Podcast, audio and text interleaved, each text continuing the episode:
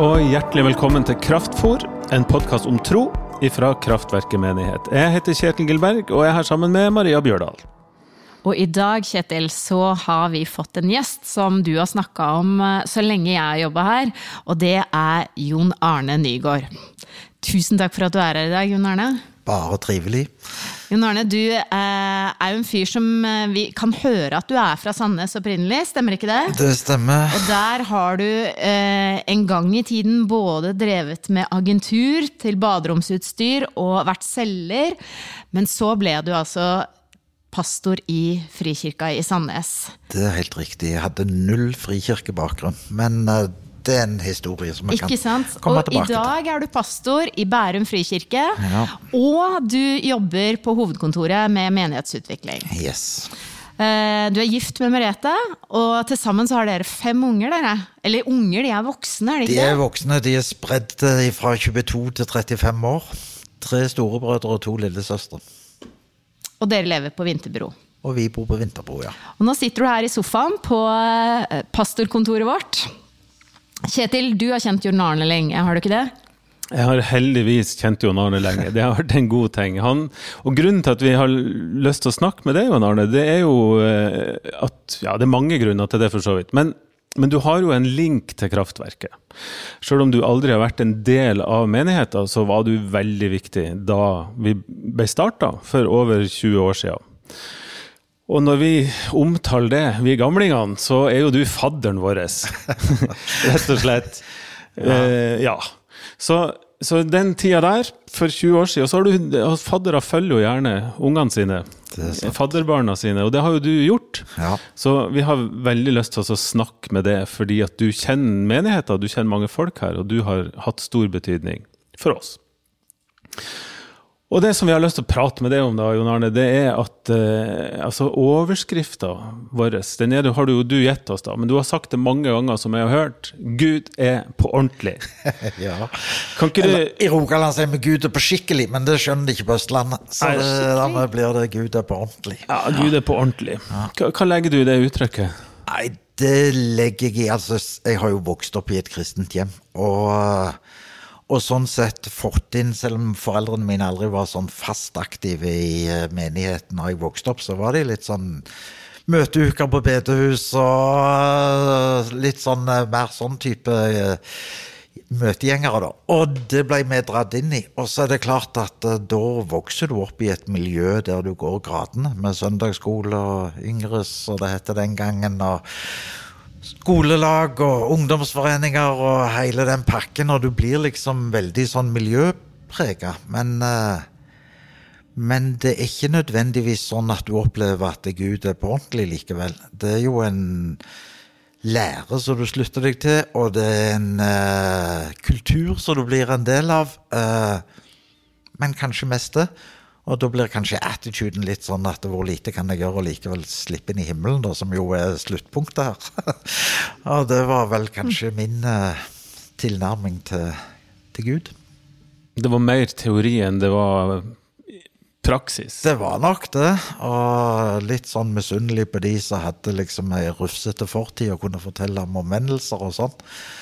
Så ja, så, så sånn Ja, sånn var det vel kanskje.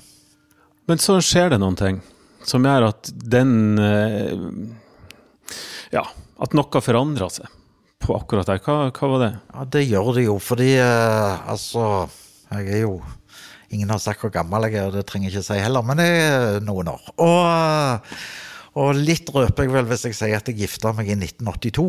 Og så Og så hadde jo eh, Ja, vi hadde lyst til å få oss barn, og vi var liksom veldig tradisjonelle sånn, da. Og eh, hun som jeg var gift med, da, hun eh, spontanaborterte to ganger, og dette så fryktelig vanskelig ut. Og eh, så skjedde det jo noe, og det var at hun ble eh, syk. Og sykere og sykere, og sånn at hun rett og slett eh, fikk balanseproblemer, og beina kunne plutselig svikte under henne når hun gikk. og Hun kunne bomme på å gå gjennom ei dør og gikk rett på dørkarmen. Skulle ta en melkekartong og tok hånda på sida av melkekartongen hun skulle ta den. Og det var skikkelig creepy. Og det Skjedde ble jo masse Ja. Skjedde det pga. spontanabortering? Nei, det tviler jeg på, jeg, og det er fryktelig vanskelig å si eh, hva som eh, skyldes eh, fysikk og syke, og om det ene forsterker det andre, og alt det der. Men anyway, det ble en haug med undersøkelser, og, og så endte de jo etter hvert opp med en, en diagnose som sa MS? spørsmålstegn. Altså multiple sklerose. Ja. Og øh, Ja, og så kom øh, ja, Så var det jo inn og ut av sykehuset veldig mye på et sykehus i uh, Haugesund. Som egentlig i utgangspunktet var et revmatismesykehus. Og der uh, var hun mye, da. Og så var det en Og vårt forhold Dette er ikke noe solskinnshistorie fra min side og min oppførsel, men det gikk dårligere og dårligere. Og vi mista litt sånn eh, evnen til å kommunisere etter hvert. Og eh, ja, den gangen var det video sant, som var greia. Og da endte det liksom Det var det vi kunne samles om, det var å se videofilm sammen. Så, så, ellers så var det lite fellesskap. Men anyway, en, eh, ei helg hun kom hjem på perm, da, hun var innlagt eh, i Haugesund, så så sier jo det litt om meg, da, at jeg prioriterte å være oppe på loftet og jobbe der som jeg bodde, i stedet for å være med henne.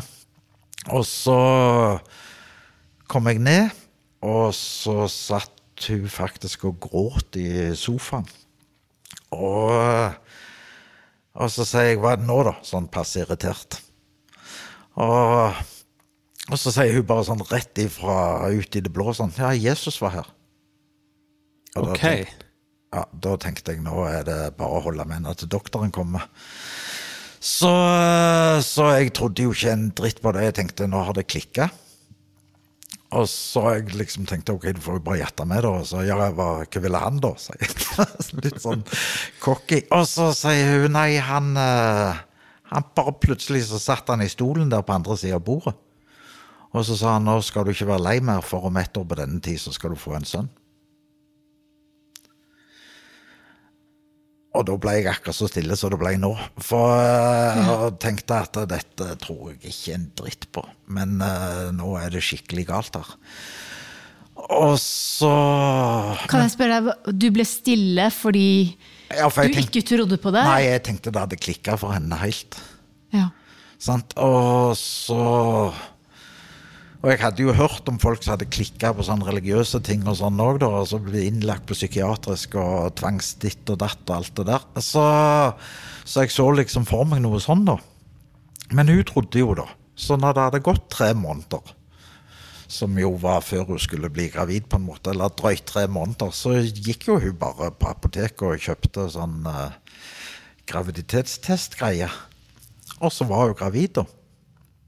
Eh, og så i de ni månedene da, som eh, graviditeten varte, så ble hun friskere og friskere.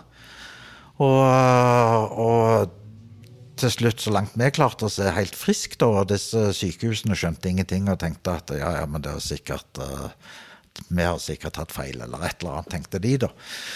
I alle fall så var jo dette så merkbart at en del av våre venner eh, hørte jo historien, sant, og det ble jo til at folk tenkte akkurat det som du sa ved overskriften. Eh, Gud må jo kanskje være på. Det er jo et eller annet her som så eh, Ja, så vi ikke er vant med, da. Så vi begynte å møtes og tenkte ok, da får vi jo be litt sammen og starte ei bønnegruppe. Vi visste jo ikke hvordan vi skulle få til be en kveld, så det, vi så et par-tre filmer først, og så ba vi litt på slutten. Kalte det bønnemøte, funka det? Og Hva slags filmer så ja, Filmer det- om bønn? Eller Nei, det, det, kunne være alt fra Schwarzenegger og James Bond til dramatiske komifilmer eller et eller annet. Ingenting med kristen tro å gjøre, egentlig. Men i utgangspunktet så møttes vi og visste vi skulle be til slutt. så det var ikke særlig eh, proft i det hele tatt. Det var veldig amatør. Men eh, når det er sagt, den bønnedelen tok mer og mer plass. Og de videofilmene ble etter hvert skifta med videofilmer som vi fant i sånn kristen bokhandel. Så uh, var, husker vi så en del på sånn Reinart Bunke-møter fra Afrika og sånne ting. Og plutselig så fikk dette mer og mer plass hos oss, da. Anyway.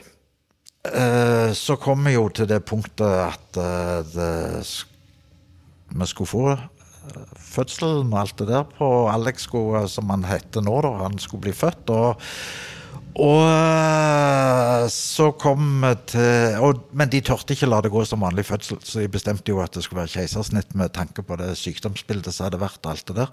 Så jeg fikk jo ikke være med på den, da. Men i alle fall.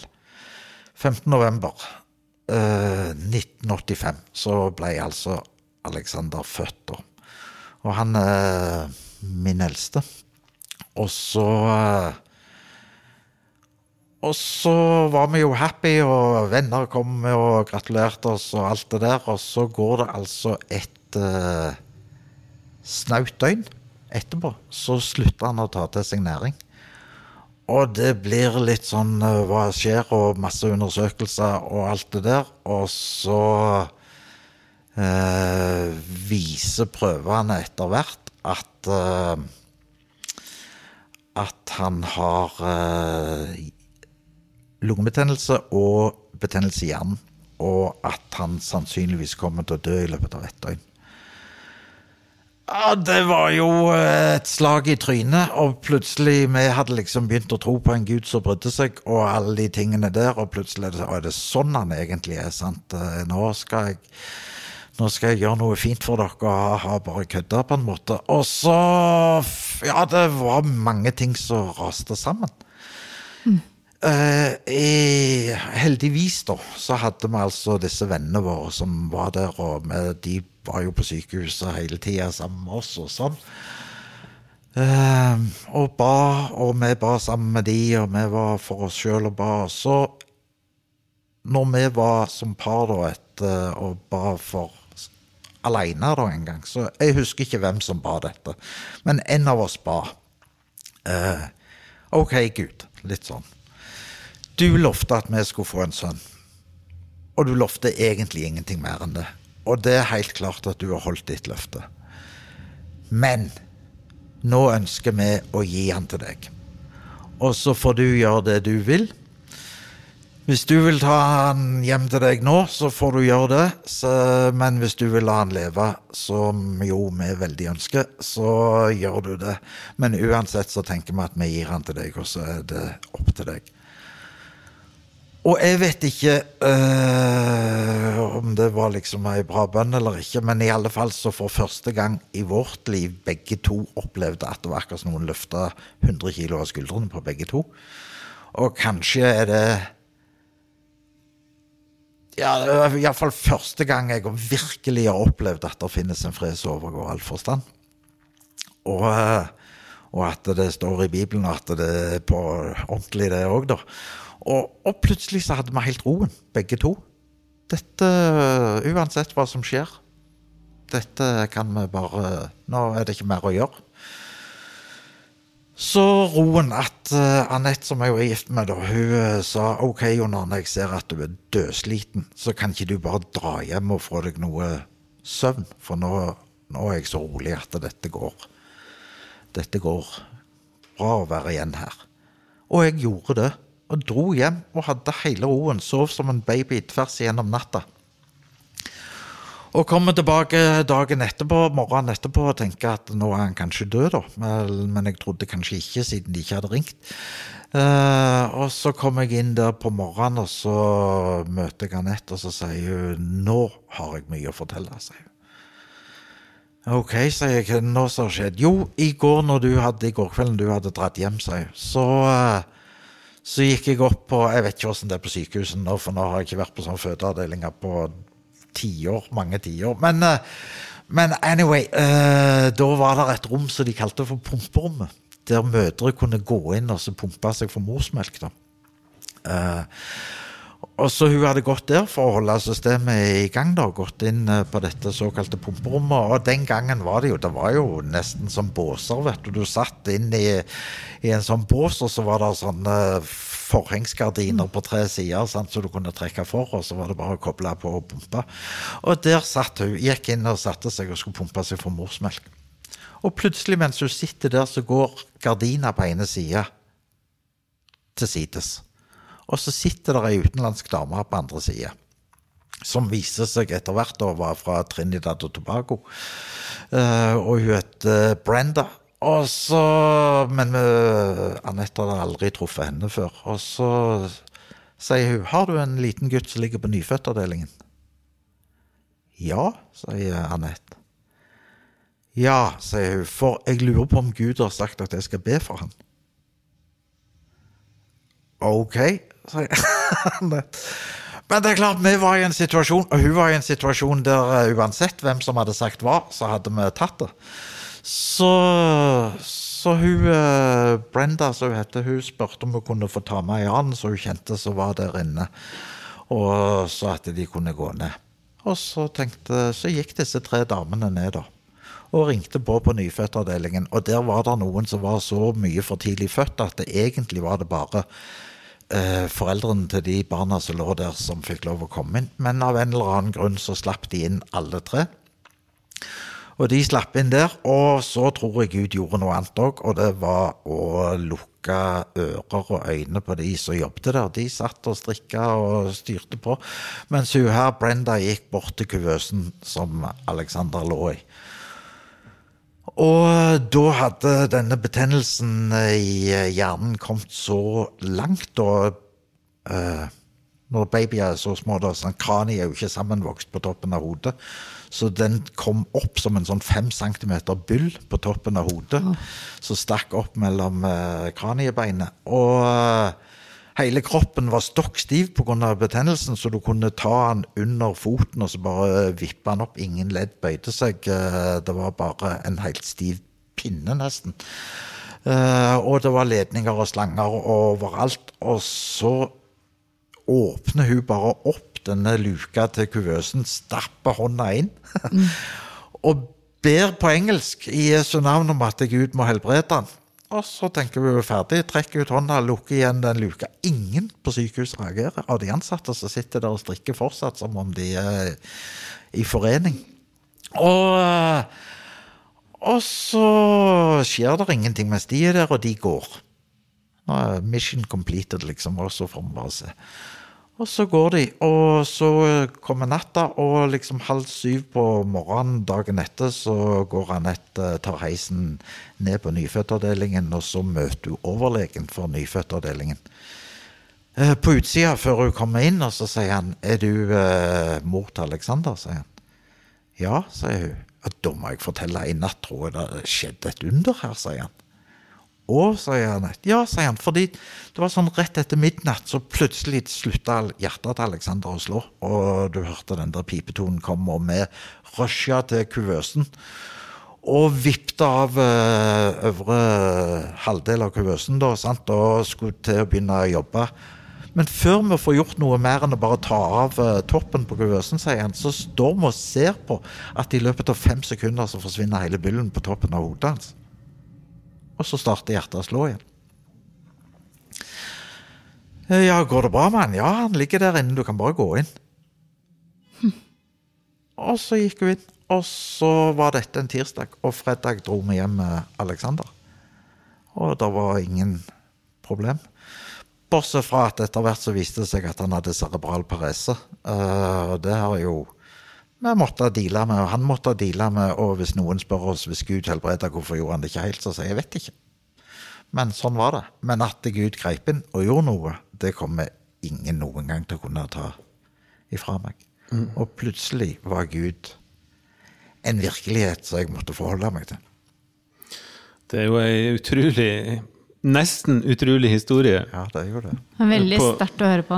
Ja, heftig. Det er utrolig heftig. Men Jon Arne, hva, eh, den historien skal få stå der. Men hva da opp, Hvis jeg skjønner det rett, så er det her et sånt vendepunkt. Ja, det gjør jo noe. Det gjør jo noe med deg.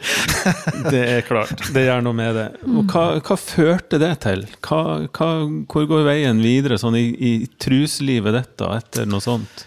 Nei, det var jo Det førte jo til flere ting, og det førte jo annet til at denne biten som handla om å bli kjent med Gud, og hvis Gud er på ordentlig, så faktisk hører han oss på ordentlig òg, og da må det jo gå an å høre han, og det hadde vi liksom ikke opplevd på den måten, da, så det, vi ble jo en gjeng som starta utenfor all organisert sammenheng og bare begynte å møtes for å hvordan kan vi høre Gud, og begynte å snakke om hva det vil si å bli fylt av Den hellige ånd. og vi, ja, Bare det er jo en historie i seg sjøl. Altså hvordan vi famler oss fram til å bli fylt med Den hellige ånd og hente folk utenfra for å få hjelp fra sammenhenger der vi hadde hørt at de talte i tunge, så de må jo ha peiling på dette. sant? Og det var skikkelig amatørmessig.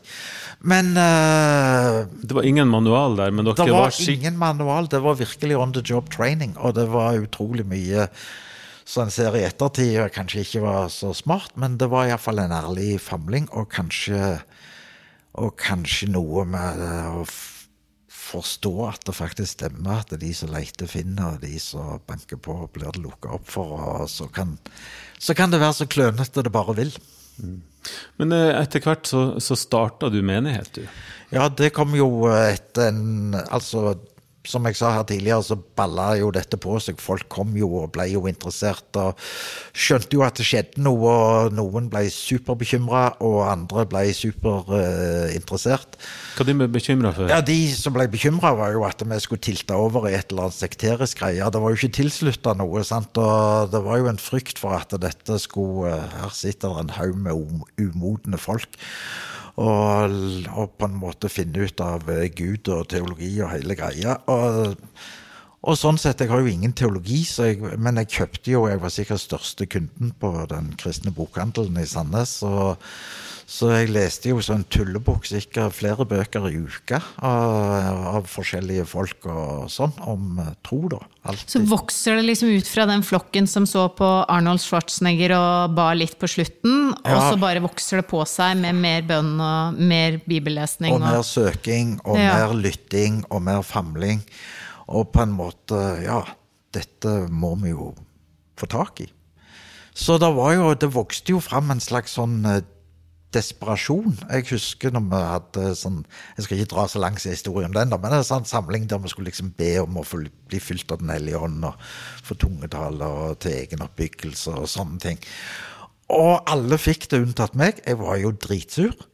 Sant? Og syntes det var blodig urettferdig at de dro hjem, da. De kunne jo ha venta at alle hadde fått det. Sant? Og sånn, og så, så egentlig syns jeg forferdelig synd på meg sjøl. Men jeg var altså så nidkjær at jeg, når alle hadde dratt og kona hadde lagt seg, så satt jeg oppe og så sa jeg til Gud OK, Gud, jeg, nå går jeg ikke og legger meg før jeg får dette. Og så starta jeg en Jeg bar rett og slett alene. Det sier jo litt om forskjellen på han som ikke klarte å måtte se filme for å liksom få tida til å gå før bønnemøtet, til at jeg satt der og ba til Gud i jeg tror nesten fire timer helt alene og liksom ga ting ifra meg. Gud, jeg ønsker å gi deg uh, Alexander, jeg ønsker å gi deg kona, jeg ønsker å gi deg huset. Hvis du vil ha bilen, så kan du bare ha den. Hvis du vil at vi skal selge huset og gi eller gi det bort, eller whatever, og sitte igjen med bare gjeld uten hus, så kan du få det. Så desperat var jeg. Desperat etter å få tungetale? Desperat etter å få bli fylt av Den hellige ånd. Tungetalen var på en måte den gangen tegnet mitt på at det hadde skjedd. Så, det var, så sånn sett var det jo desperat etter for tungetalen, men ikke for tungetalens skyld, men for å vite at det hadde skjedd noe. så det ble litt sånn for oss. Og så, og så etter hvert så jeg satt der og ga fra meg alt, eh, alt sammen, på en måte totalt umyndiggjorde meg overfor Gud. For det var jo basically det jeg tenker hvis jeg skal sette et ord på det i etterkant så var det det jeg gjorde. Jeg underordna meg han på alle områder i livet. Fryktelig konkret. Og så Og så plutselig så kjente jeg at nå, nå, nå er det Nå føler jeg jeg får noen ord så jeg ikke vet hva det betyr, men så tenkte jeg samtidig at ok, men sant, du er så despo nå at nå lager du deg noe sånn For de som er gamle nok, vet hva jeg mener hvis jeg sier noe sånn heidestenrussisk eller et eller annet sånn noe. Uh, sant, så bare handler om å mekke noe som ligner. Uh, så derfor så, så tenkte jeg ok, nå må jeg bare snakke det så lenge at jeg skjønner jeg ikke har fantasi til å komme på det. Så da satt jeg og snakket i tunger i en og en halv time. Og så var jeg livredd for at jeg skulle miste det, da, så jeg drev og pugga et par ord så jeg skulle huske å begynne på neste dag. Sånn at jeg var så, altså, så enkelt og så banalt og så Men det var min tilnærming, da. Og når jeg morgenen etterpå, da huska de ordene jeg hadde pugga, og begynte å oppdage at det fortsatt var der, ja, da var jeg skikkelig i fyr og flamme. Og så jeg Da hadde jeg en halvtimes kjøring til jobben med konstant tungetale på vei til jobb. Så det var, det var det. Men det er et eller annet som handler om den der banale tilnærminga, da. Hvis det finnes. Så skal jeg blir så nysgjerrig på Du sier du var så desperat. Kan du fortelle hvorfor, hvorfor var du desperat? Jo, fordi jeg hadde jo skjønt at Gud var på ordentlig, da, for å ta den igjen. Og skjønt at det her her er det eh, noe relasjonelt som jeg har mangla, da noe som handler om eh, et personlig forhold, eh, eller et relasjonelt forhold, at Gud er en person. sant? Eh, noe helt annet enn at Gud er liksom en lære som du må slutte deg til, eller et eller annet sånt. Og det var den biten jeg var desperat etter å få tak i, fordi jeg tenker dette har du ikke hatt. Mm. og dette må jeg få tak i. Og så var det jo å finne ut åssen kan jeg vite at jeg får tak i det. Og noe var jo den der famlinga med å si 'jeg lurer på om Gud sier', og så kanskje tar jeg feil, og så alle de usikkerhetsmomentene. Det var jo den tingen som gjør at hvis du tør å begynne på den veien, så lærer du jo mer om hva som er Gud, og hva som er deg sjøl, og hva som er whatever. Men, uh, men uh, det handla noe òg om den der det der fylden som gjorde at uh, ja, alle de tinga ble lettere, da. Den var jeg desperat etter. Og så når vi leste meg opp og sånn og hørte om folk så så faktisk uh, kunne si at de opplevde at Den hellige ånd var mer virkelig enn uh, når jeg sitter og snakker med dere. Så tenkte jeg det er jo dritlangt ifra der jeg er. Så det var jo et forsøk på å komme iallfall litt nærmere det, da. Så den ja. slags skikkelig heftig lengsel. Men du, Jon Arne, når du, dere starta Sandnes frikirke da, etter hvert, ja. så tiltrakk dere jo nettopp en stor mengde mennesker som var kanskje like desperat? Ja, kanskje, eh, men det kom litt seinere. Eh, ja. Men si litt om miljøet som dere etter hvert ble kjerna i. Ja, fordi altså, vi starta Frikirka starta med i 91 eh, arbeidet, og så ble den etablert i 92 som egen menighet. Og så i 94, høsten 94 så skjedde jo det der borte da at en som heter Njål Haugland, det er en offentlig historie, da. Men han var leder for en uh, svær uh, MC-klubb, uh, bikersgjeng, der. Og de var meint å bli den første Hells Angels-klubben i Norge, da. for de etablerte seg jo i Norge på den tida. Og han var påtenkt å bli den første leder for Hells Angels i Norge. Og så får jo han en helt syk god uh, Nesten sånn uh, Paulus på vei til Damaskus-opplevelse. Uh, der han plutselig får en åpenbaring på at det, han er på vei til fortapelse, og han ser det på en forferdelig konkret måte. Og løper ut av klubblokalene i bare sokkelesten og og hiver seg på kne og roper til Gud uten å ha peiling på hva han holder på med. Selv om det var noe, han har hatt noe slekt som har eh, vært eh, kristne, og sånn da, eller som var kristne, men, eh, og helt sikkert har bedt for han. I alle fall så får han en helt vanvittig omvendelse. Og bryter jo med det miljøet og lever jo med drapstrusler for alle er redde for hva han skal tyste om. Og, og jeg ender opp som en av uh, to-tre mentorer for han, da. Uh, kommer tett på han, og sånn. Og så er jo han superivrig. Han har jo hatt sin radikale opplevelse av at Gud er på ordentlig, sant, og alle de tinga der. Men han har jo et helt annet nettverk og miljø enn jeg har. Så det det ender opp med, er jo at en haug med folk i gatemiljøet i Sandnes uh, kommer jo til tro på grunn av uh, han, da. Og han åpner jo en kafé i Sandnes sentrum eh, som kalles Ambassaden, som jo blir et sånt treffpunkt der folk kan komme inn og bli bedt for. Og de opplever vasser jo i tegn under og helbredelse, ja, besettelse og alt mulig. Eh, så er jo eh, en verden som òg blir en bratt læringskurve for oss, oss andre. Men i alle fall uh, så skjer jo det da at det kommer i løpet av ett og et halvt år 180 mennesker til tro. Og de er jo narkomane og alkoholikere, prostituerte, folk fra MC-miljø mye eh, fra rockemiljøet som kommer til tro. Vi plutselig opplever vi jo at vi har fire komplette band som spiller med eh, liksom ja, For ingen, alle disse havner i, i, menigheter? Noen havner hos oss, noen havner hos andre. Uh, vi var jo en del menigheter som måtte rett og slett gå sammen om det. Så vi var fem menigheter som stilte med betjening på den kafeen som han hadde starta. For han holdt jo på å brekke nakken. Han tenkte jo han skulle gjøre alt dette sjøl, og han var jo ledertype sant, som skulle bare fikse for Gud. Eh, så, så, mye av det der gikk jo for det første å se at han ikke klarer å gjøre dette alene, for det andre faktisk for, La han forstå at det er han som er avhengig av Gud, ikke Gud som er avhengig av han, da. Men uh, det var jo en prosess.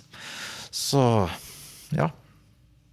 Ja, Det der er jo en sånn nøkkelerkjennelse, høres det ut som også fra ditt eget liv. Da, at det handler ikke bare om å be for å få, men å gi slipp. Og det handler ikke bare om at eh, Gud er avhengig av meg, men eh, jeg er avhengig av Gud. Jeg er fortsatt veldig fascinert av den der bevegelsen du gjorde fra å liksom tenke at kona di var kliss gæren. Ja.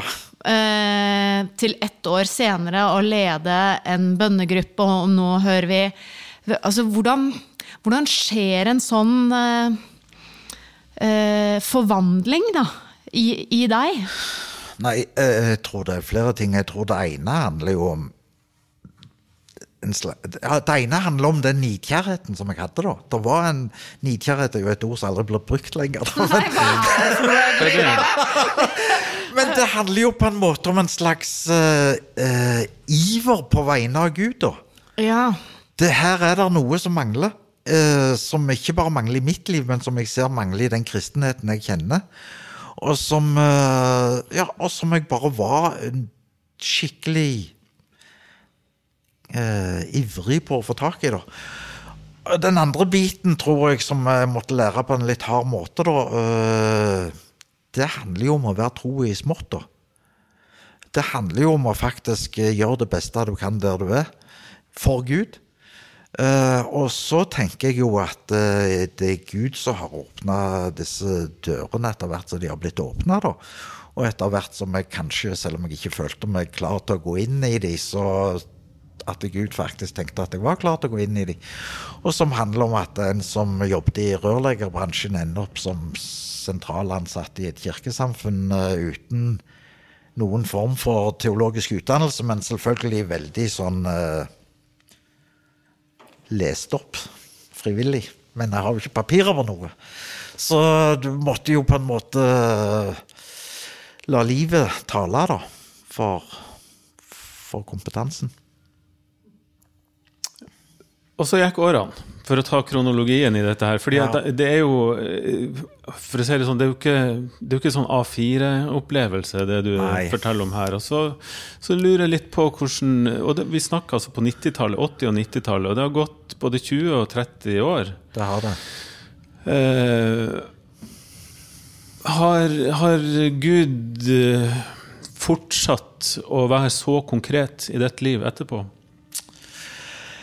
Uh, ja, det har han, men, uh, men, bildet er veldig forskjellig, og historien er veldig forskjellig. Og, uh, og jeg tenker jo at det er akkurat så Men dette blir jo min tolking, da. Men det er akkurat så Gud noen ganger er sånn Nå skal jeg vise hva jeg kan inn i livet til folk. Og så viser han hva han kan. Og så så er det akkurat så han bestemmer seg for å stoppe opp. Og så tenker jeg noen ganger kanskje han sier 'nå skal du vise hva du tror'. Etter at han har vist hva han kan.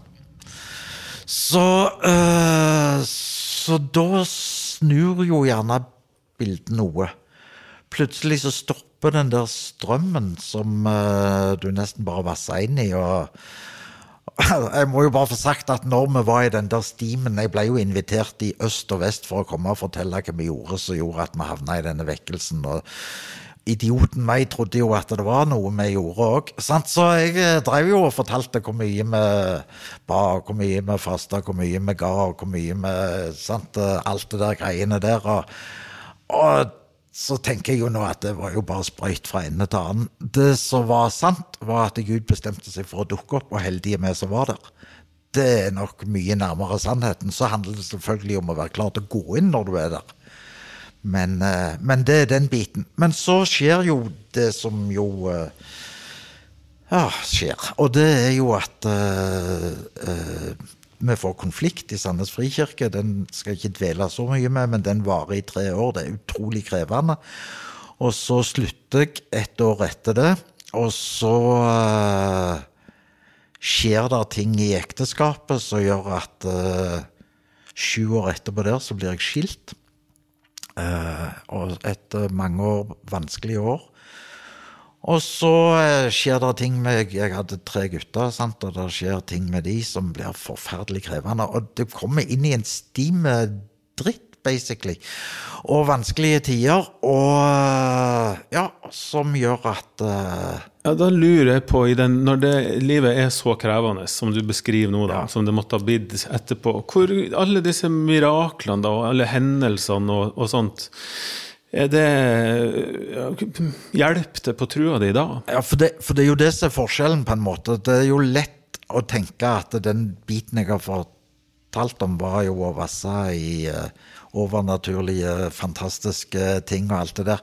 Men det handla jo òg om den storyen der vi trodde vi skulle miste en sønn. Det handler jo òg om uh, å få en uh, sønn med, med uh, cerebral parese. Det handler jo om at kona to år etterpå der får kreft og må fjerne alt uh, sånn eh, underlivsting og gjennom tøff behandling. Det handler jo om at vi ikke kan få flere barn. Det handler jo om at uh, vi tar til oss to fosterbarn som begge har hjertefeil, som begge har masse diagnoser, og som begge blir hjerteoperert, og som du skal følge opp. Altså, det var jo ikke akkurat så det var en dans på roser, og så blir det vanskelig. Men det var jo parallelt med det, alle disse utfordringene, så skjedde det jo mye mer overnaturlig. Det er jo den biten som på en måte stopper mer opp.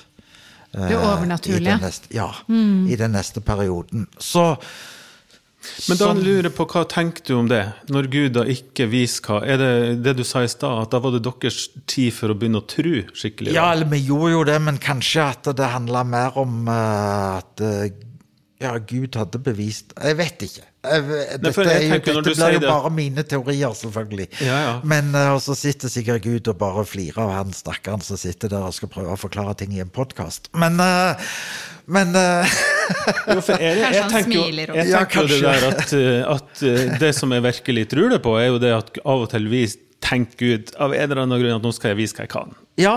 Men den andre delen har jeg mer problem med. At nå skal jeg vise Nå, nå skal, skal, du vise hvor mye du tror på meg. Ja. For eh, det er en, en den kravdelen av Gud, da. Den men jeg, men jeg, tenker jo litt Det er jo en av de irriterende versene ofte å lese i Bibelen, eh, som er ofte tenker, linket til Jakobsbrevet, men som egentlig Paulus òg sier i, i brevene til Kolossene, det er jo at uh, tro viser seg i gjerninger. Ok? Og så er det jo lett for oss å tenke at det, uh, hvis jeg gjør gjerninger, så beviser det tro, men det er jo der vi bommer. Det handler jo om at jeg gjør det jeg tror. Og hvis ikke jeg gjør noe, så tror jeg sannsynligvis ikke noe særlig heller. Og det er jo mer, tenker jeg, en sånn reality check. At kanskje mitt eh, utgangspunkt da handler om at jeg må gjøre så eh, en annen gjorde i Bibelen, som sa 'jeg tror, hjelp min vantro', fordi en oppdager at en tror ikke så mye. Hvis jeg tror jeg kan sykle, så sykler jeg. Men det er ikke det at jeg sykler som beviser at jeg tror. Så det er et eller annet med at vi stokker litt om, og vi gjør dette til en sånn lovisk ting, da. Men, mens det er der jeg tror vi bommer. Jeg tror at troen vår viser seg i gjerninger uansett. Mm. Det følger det på. Eh, sant? Og da handler det jo om at når Jesus samler disse folka, han sier 'jeg var naken og du ga meg klær', og alle de tinga der, så sier de ikke de gjorde det. Fordi de, eh, det var ikke det som var poenget deres. Troen bare fulgte gjerningene. Nei, gjerningene bare fulgte troen. Så, så det, det er et eller annet så så jeg handler Så jeg tenkte litt handle litt om Nå avbrøt jeg det, men, Ja, men det det, jeg syns dette er veldig spennende, den vendingen du tar på det. Ja. Og blir ikke rett og slett litt av problemet i kirka når vi da sier at eh, det er akkurat den og den måten det skal synes Jo, på? Ikke sant? At vi har sett at pga. sin tro så er det noen som går og legger hendene på folk fordi de er syke. Ja. Men vi ser ikke den som går og leverer boller på sykehuset hver Nei, uke i skjul og går inn bakdøra. Altså det, det er på en måte um, helt, Eller vi ser ikke den som klarer å tilgi noe helt utilgivelig. Eller? Vi ser ikke kvinnen i tempelet, da, som Nei. Jesus sier. Nei, eh, stopper opp ved, som gir alt det hun har. Nei. Nei, og jeg tror jo det er mye sånn. Jeg har jo vært i begravelse òg, der jeg plutselig folk som jeg ikke trodde gjorde noen karismatiske grep i det hele tatt. Det kom fra en veldig tradisjonell sammenheng, og så hører du i begravelse at de har vært og bedt for syke, og så har blitt helbreda. Og kommer liksom på minnemøte, folk som forteller om hva denne personen gjorde, som ingen ante noen ting om. Så den biten òg er det jo noen som lever skjult, da. Eh, Nå tror jeg at det er litt problematisk hvis alt skal være skjult, fordi da vil det jo ikke bli for andre til å oppdage heller. Eh, Så, eh, så for meg er det litt sånn nådegavene er gitt til menigheten, og ikke til meg personlig. Og hvis nådegaven er gitt til menigheten, så må jeg bruke den der. Men, eh, men anyway, nå snakker vi oss ut på vidden. Nei, men jeg, jeg, har, jeg er jo en litt sånn kritisk type, jeg, Jon Arne. Så selv om jeg setter så pris på å høre på deg, så er det liksom to sånne grunnleggende spørsmål som jeg føler jeg må, må spørre deg litt om. Og det ene er Er du sikker på at det er Gud som har gjort disse tingene? Mange ganger har jeg vært i tvil. Og Ja. når jeg har hatt de verste tvilstilfellene, så, så tenker jeg Tenk jo, Arne, hvis du driver og villeder alle. Tenk hvis du er bare så dritflink til å snakke, dritflink mor, at folk tror på deg, og så er det bare sprøyt alt sammen. Sånn, Og sånne eh, tider er fryktelig tungt, da. fordi da er det ikke nok med at du eh, faktisk eh, eh, tenker at du har gått ifra troa på Gud som noen teoretisk faktor eller en lære til noe som er på ordentlig, så kommer du, tenker du tenk hvis det ikke er på ordentlig. Tenk hvis det faktisk er For meg ble det utrolig redning, faktisk, å lese om Billy Graham, som eh, som når han hadde hatt svære kampanjer og sånn, så mange ganger kom han i anfektelse. Hadde sett flere tusen mennesker komme til tro, så tenker han tenk hvis jeg lurer dem. Og han eh, gjorde rett og slett eh, Han hadde ei hytte enkel hytte oppe på fjellet. Han dro opp dit aleine. Og så var han på den hytta, og så sa han til Gud nå drar jeg ikke herifra før du har vist meg at du er på ordentlig. Og så var han der til han opplevde at uh, jo, Gud finnes. Uh, fordi da hadde han hatt en sånn Og, og litt der har jeg òg vært. Ikke på de dimensjonene hans, men mer på det der punktene i livet. Der du tenker at tenk hvis, tenk hvis jeg bare driver og lurer folk. Tenk hvis det er jeg som er forføreren.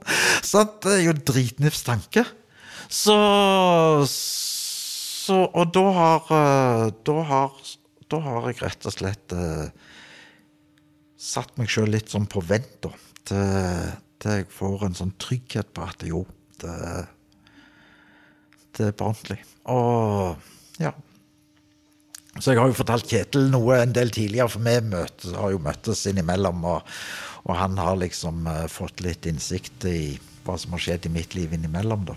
Jeg syns det er kjempefint at du deler også hvordan uh, tvil og ambivalens vever seg inn i et Ja. så trossterkt liv, da, som, som uh, du kan fortelle om. Men um, det er jo også det der spørsmålet om hvor er Gud når han ikke gjør de um, tingene som oppleves som veldig ekstraordinære, som sterke inngripen i det vi er vant til lover og regler for hvordan verden og naturen fungerer. Hvor, ja. hvor er han da?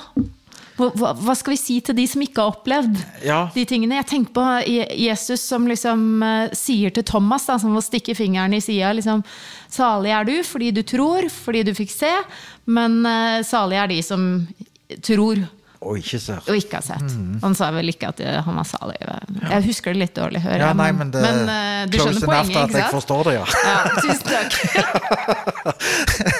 Ja, nei, og så, og så tenker jeg jo at det handler jo om Jeg tror jo, jeg tror jo nesten alle har om ikke ja, I varierende grad så har nesten alle noen punkter i livet der de på en måte har en opplevelse av at Gud er ordentlig. Og noen har flere, og noen har færre. Men det trenger ikke plent være sånne supermirakelting eller noe sånt noe, men det kan være en sånn sånn plutselig uh, kjenner du at ok, nå, akkurat nå, hvis Jesus hadde kommet igjen, så vet jeg jeg hadde blitt med. Altså Bare en sånn opplevelse, da. Eller, uh, eller noe som skjer på en annen måte, da. Uh, og jeg tror faktisk at sånne historier eller opplevelser eller erfaringer er fryktelig viktig å huske. Og hvis du har problemer med det, så burde alle skrive en sånn troshistorie eller et eller annet, så du får dratt det fram igjen. Fordi eh, israelsfolket i Gammeltestamentet, når de hadde et møte med Gud, så står det at de bygde et alter der. Og når det var tunge tider, så gikk de tilbake dit og mintes hva Gud hadde gjort iblant dem. Og jeg tror jo at vi trenger sånt. Vi trenger på en måte våre alter.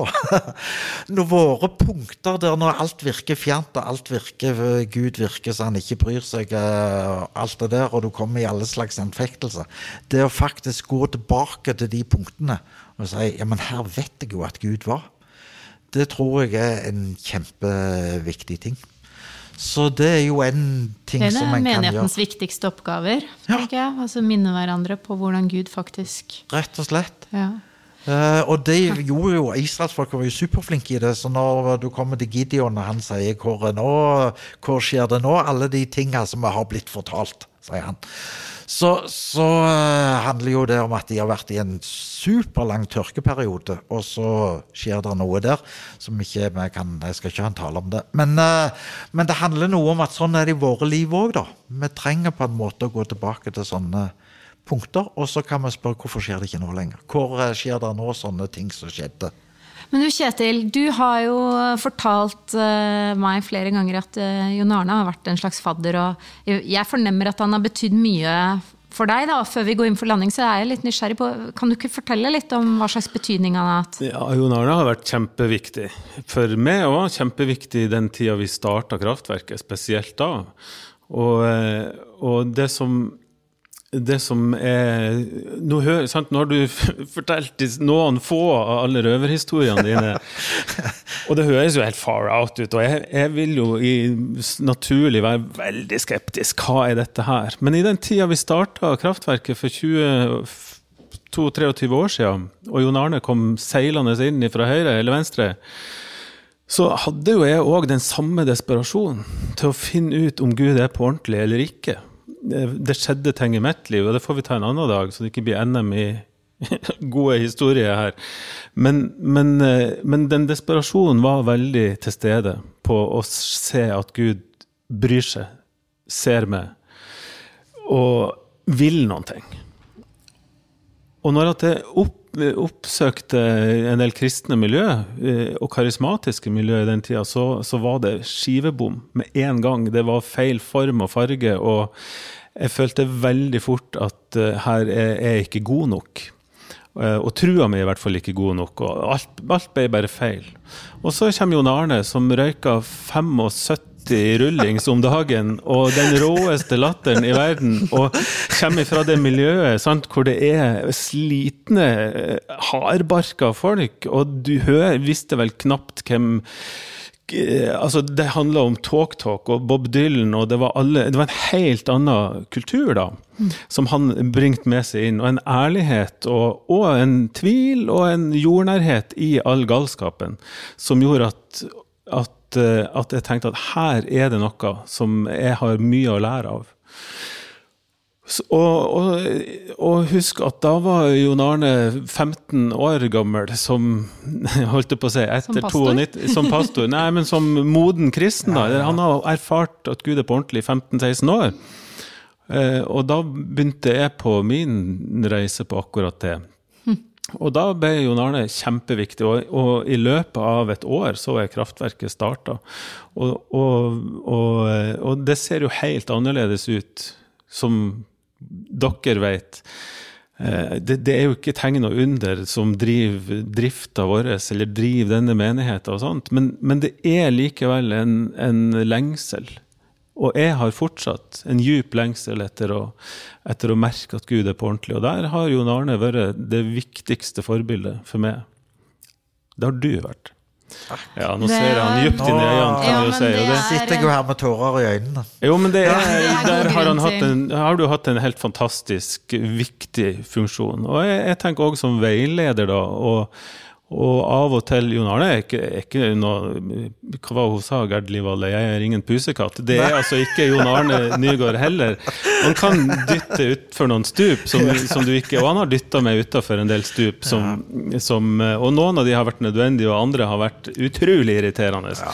Men, men, men det har jo vært helt nødvendig, og i en veiledersituasjon å si at her, nå feiger du ut, hva er det du holder på med? Å bli konfrontert og stilt til ansvar med valg du har gjort, og sånt, det er Jon Arne fantastisk på. Så, så eh, i, den, eh, i, i den fasen som var da, for, for 25 og 20 og 15 år siden, hvor Jon Arne og jeg var ganske tett på hverandre, så, så var, var du kjempeviktig. Og så er det jo deilig å se at livet har roa seg for en gammel mann òg. Ja. At det ikke er fullstendig kaos Nei, hele tida, men at, at, eh, at ting roer seg både når det gjelder kriseting, og når det gjelder at gudsopplevelsene ikke nødvendigvis står i kø. Nei. Men at trua og truslivet og engasjementet rundt det å være kristen og det med andre mennesker og det å ha ei kirke som en er glad i, det er jo like brennende Mm. hos eh, denne fossilen som sitter her. Det er helt riktig. Dinosauren. Det var sterkt å høre, altså.